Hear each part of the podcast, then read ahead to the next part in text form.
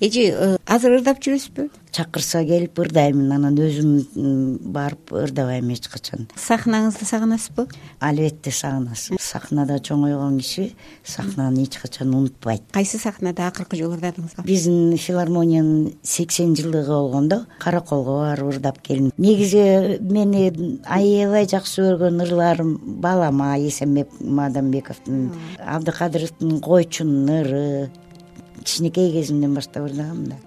Келиңиз койчунун ырын ырдайбыз баягы советтик мезгилдеги эң сүйүктүү ыр эмес беле ар бир айылга барып ырдашып берчү элеңиз ат баспаган асканы аралай басып таштарын жайыкта күнгөй тиздейден кой болду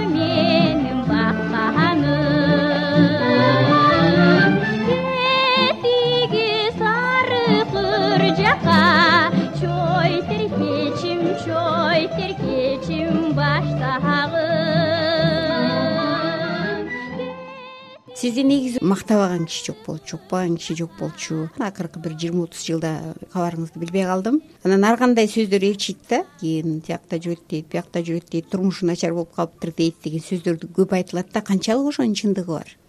Эми анын көп деле чындыгы жок. Баштан далай нерсе өтөт. Эми ошонун бүт баарын мен айткым келбейт. Көрдүм. Бирок тагдыр ошондой болсо айта бергенде эмне адам өзү ошонун баарын жеңиш керек үй жай жок бала чакасы деле мындай үй жайдан тартышра экен дегендей сөздөр көп айтылып жүрөт да. Негизи бүгүнкү акыбалыңыз кандай? Кайда жашап атасыз? Жашоо тиричилик деген кандай?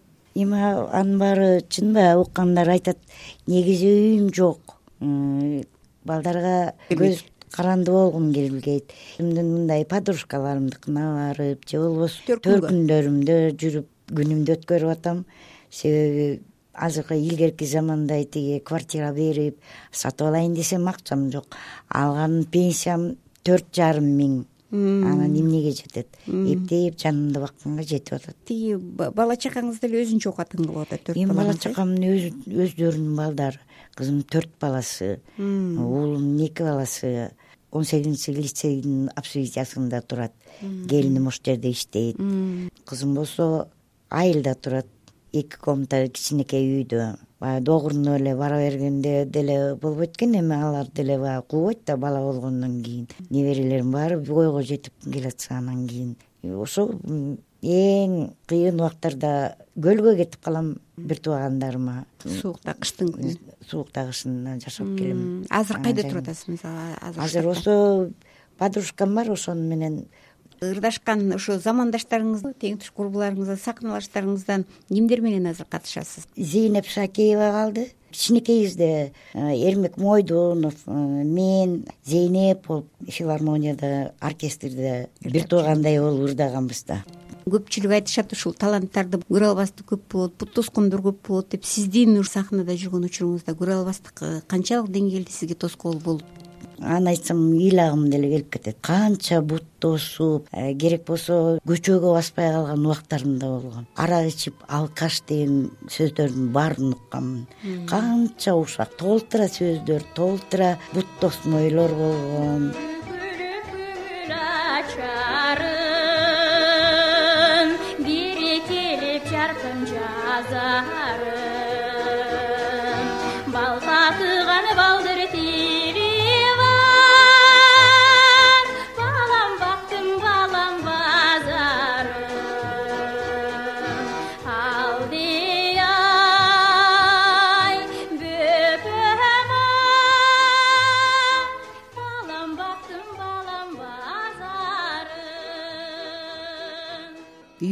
кандай аял жубай анан кандай эне болдуңуз? Элдин көңүлүн элдин назарында турган аял үчүн үй бүлө күйөө бала дегенди күтүш да өтө кыйын да. Ойлойм жакшы эле энемин колумдан бүт баары келет. Ырдагандан башка да тамак жасасам тамагым таттуу тиккенди дагы э, сайма сайганды торт окуганды курак кураганды төшөктөрдү жакшылап туруп каптайм анан бирок бир да балам менчилеп ырчы болгон жок себеби көңүлү калып калган болуш керек. Мени эмне дайыма эле талаада. Командировка командировка. Менсиз таптакыр концерт болчу эмес. Температурам кыркка жетип атса да барып туруп сахнада ырдап чыгып кетчүмүн менин билимим бала кезде ар бир айылга артисттер барчу эмес беле. Менин атам да концерт келгенде аябай кубанып келгенин билем да үйгө. Ушулардын ичинен чачынын узундугун айтпа көзүнүн жанганын айтпа. Гүлбайрам момушованын кыргызга берген бир талант кут бул деп айтып келгенин билем да. Ошондой мактоолорду кандай көтөрдүңүз сиз? Мен негизи башынан эле мен деген сөздү э, жаман көрөм да.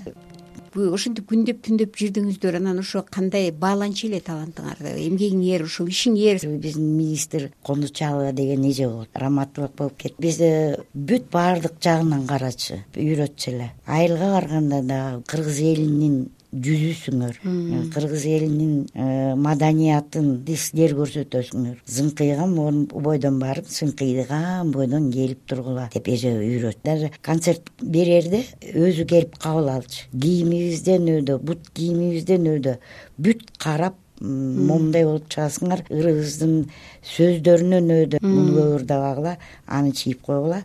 Могу могуну деп бизге программа түзүп берет. Биз ошону менен элге чыгып баарын ырдап берчүбүз эми азыркы жаштардын эмнеси жагат эмнеси жакпайт? Азыр каалагандай кийинип былтыйып мынтип жүргөндөрдү бизде эч качан чыгарчу эмес сахнага мен эле өзүм баламды төрөгөндөн кийин аябай толуп кеткем. Эже келип алды кебетиң эмне деди. Сахнага бочка кылып тоголот чыгарамынбы кондучалова эже арыктаган мен эмне гана азап көргөн жок. Арыкташ үчүн тим элечи и ачкада болдум английский сольдо иштедим эми ушундуктарды жасадым. Ал кезде эң эле арыктоонун бир жакшы натыйжалуу жолу болчу эже ошол кезде көп нерсенин баарын а так мынтип былтыйтып сылтыйтып эч качан чыгарчу эмес закон. Эми бул азыр болсо эми өзүңөр деле көрүп атасыз мага жаман көрүнөт.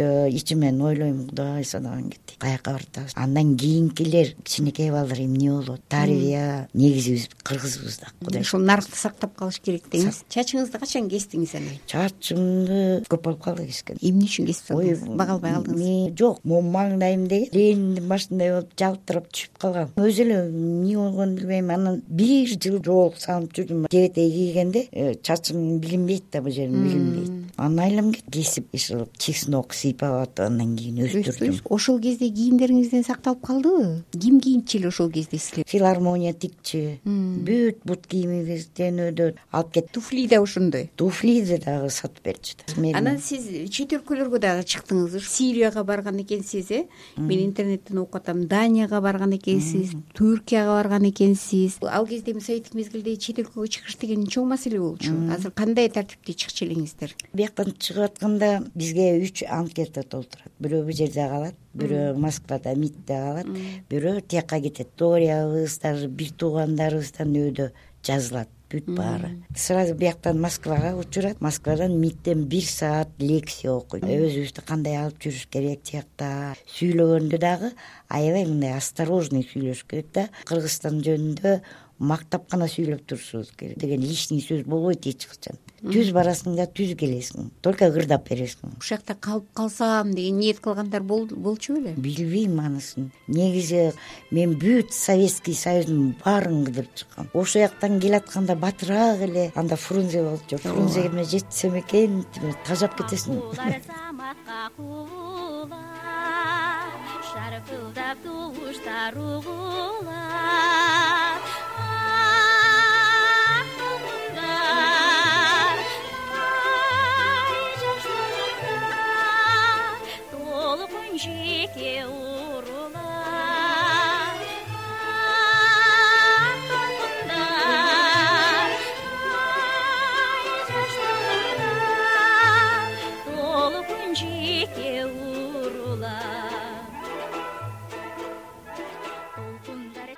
сиз бир топ э, композиторлордун ырларында көбүнчө сардарбек жумалиевдин ырларын ырдадыңыз э анан мисалы ушул композиторлор сизди тандап атайын сиз үчүн музыка жазган учурлар болдубу эч кимиси жазчу эмес сардарбек агай эле муну жаздым ырдап көрчү деп анан мен көңүлүмө жаккан ырларды өзүм эле тандап алып ырдачумун илгери деген бизде композиторлордун ырларын народный ырчылар эч качан ырдай албайт деген негиз бар болот бирок малдабасан давлесов абдыраев малдыбаев ырларын төрттөн ырын жаттап ырдап радиого өткөрүп кеткен. Ал алтын фонддо болуш керек ал кезде мындай баа деген күчтүү болчу да э сапат деген маселе бар болчу. Ал оюнчу эле болчу композитор эмес болчу деп атпайсызбы? Ооба композитор операны жазат симфонияны жазат музыкалык терең билими болуш керек. терең билими болуш. Азыр болсо оончулардын баарын эле композитор десе мен сразу эле айтам ал оончу композитор эмес. Оон эле жазат. Илгеркидей ырларды да жазбайт мен келатам мен сүйүп атам сен кетип калдың мен жетпей калдым ошондой. Дагы сөздөрү да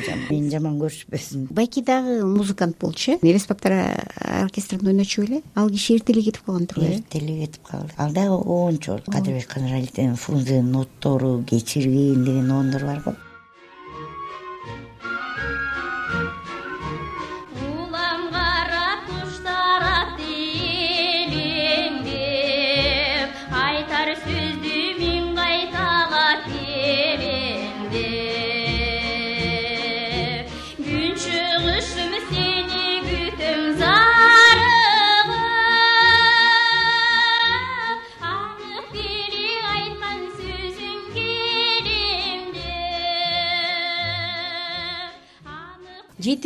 жылдыгыңызды белгилеген атасыз азыр э? Эми аны мен айта элекмин да эми эсиң болсо күздүн күркүрөгөн убагында октябрда төрөлгөн. Эң жакшы көргөн подружкам бар ошол аябай мен үчүн чуркап жардам берип атат. Рабига э, подружкам кичинекейимден баштап эле экөөбүз тиги жерге барыш керекпи себеби журналист кишилер билет да.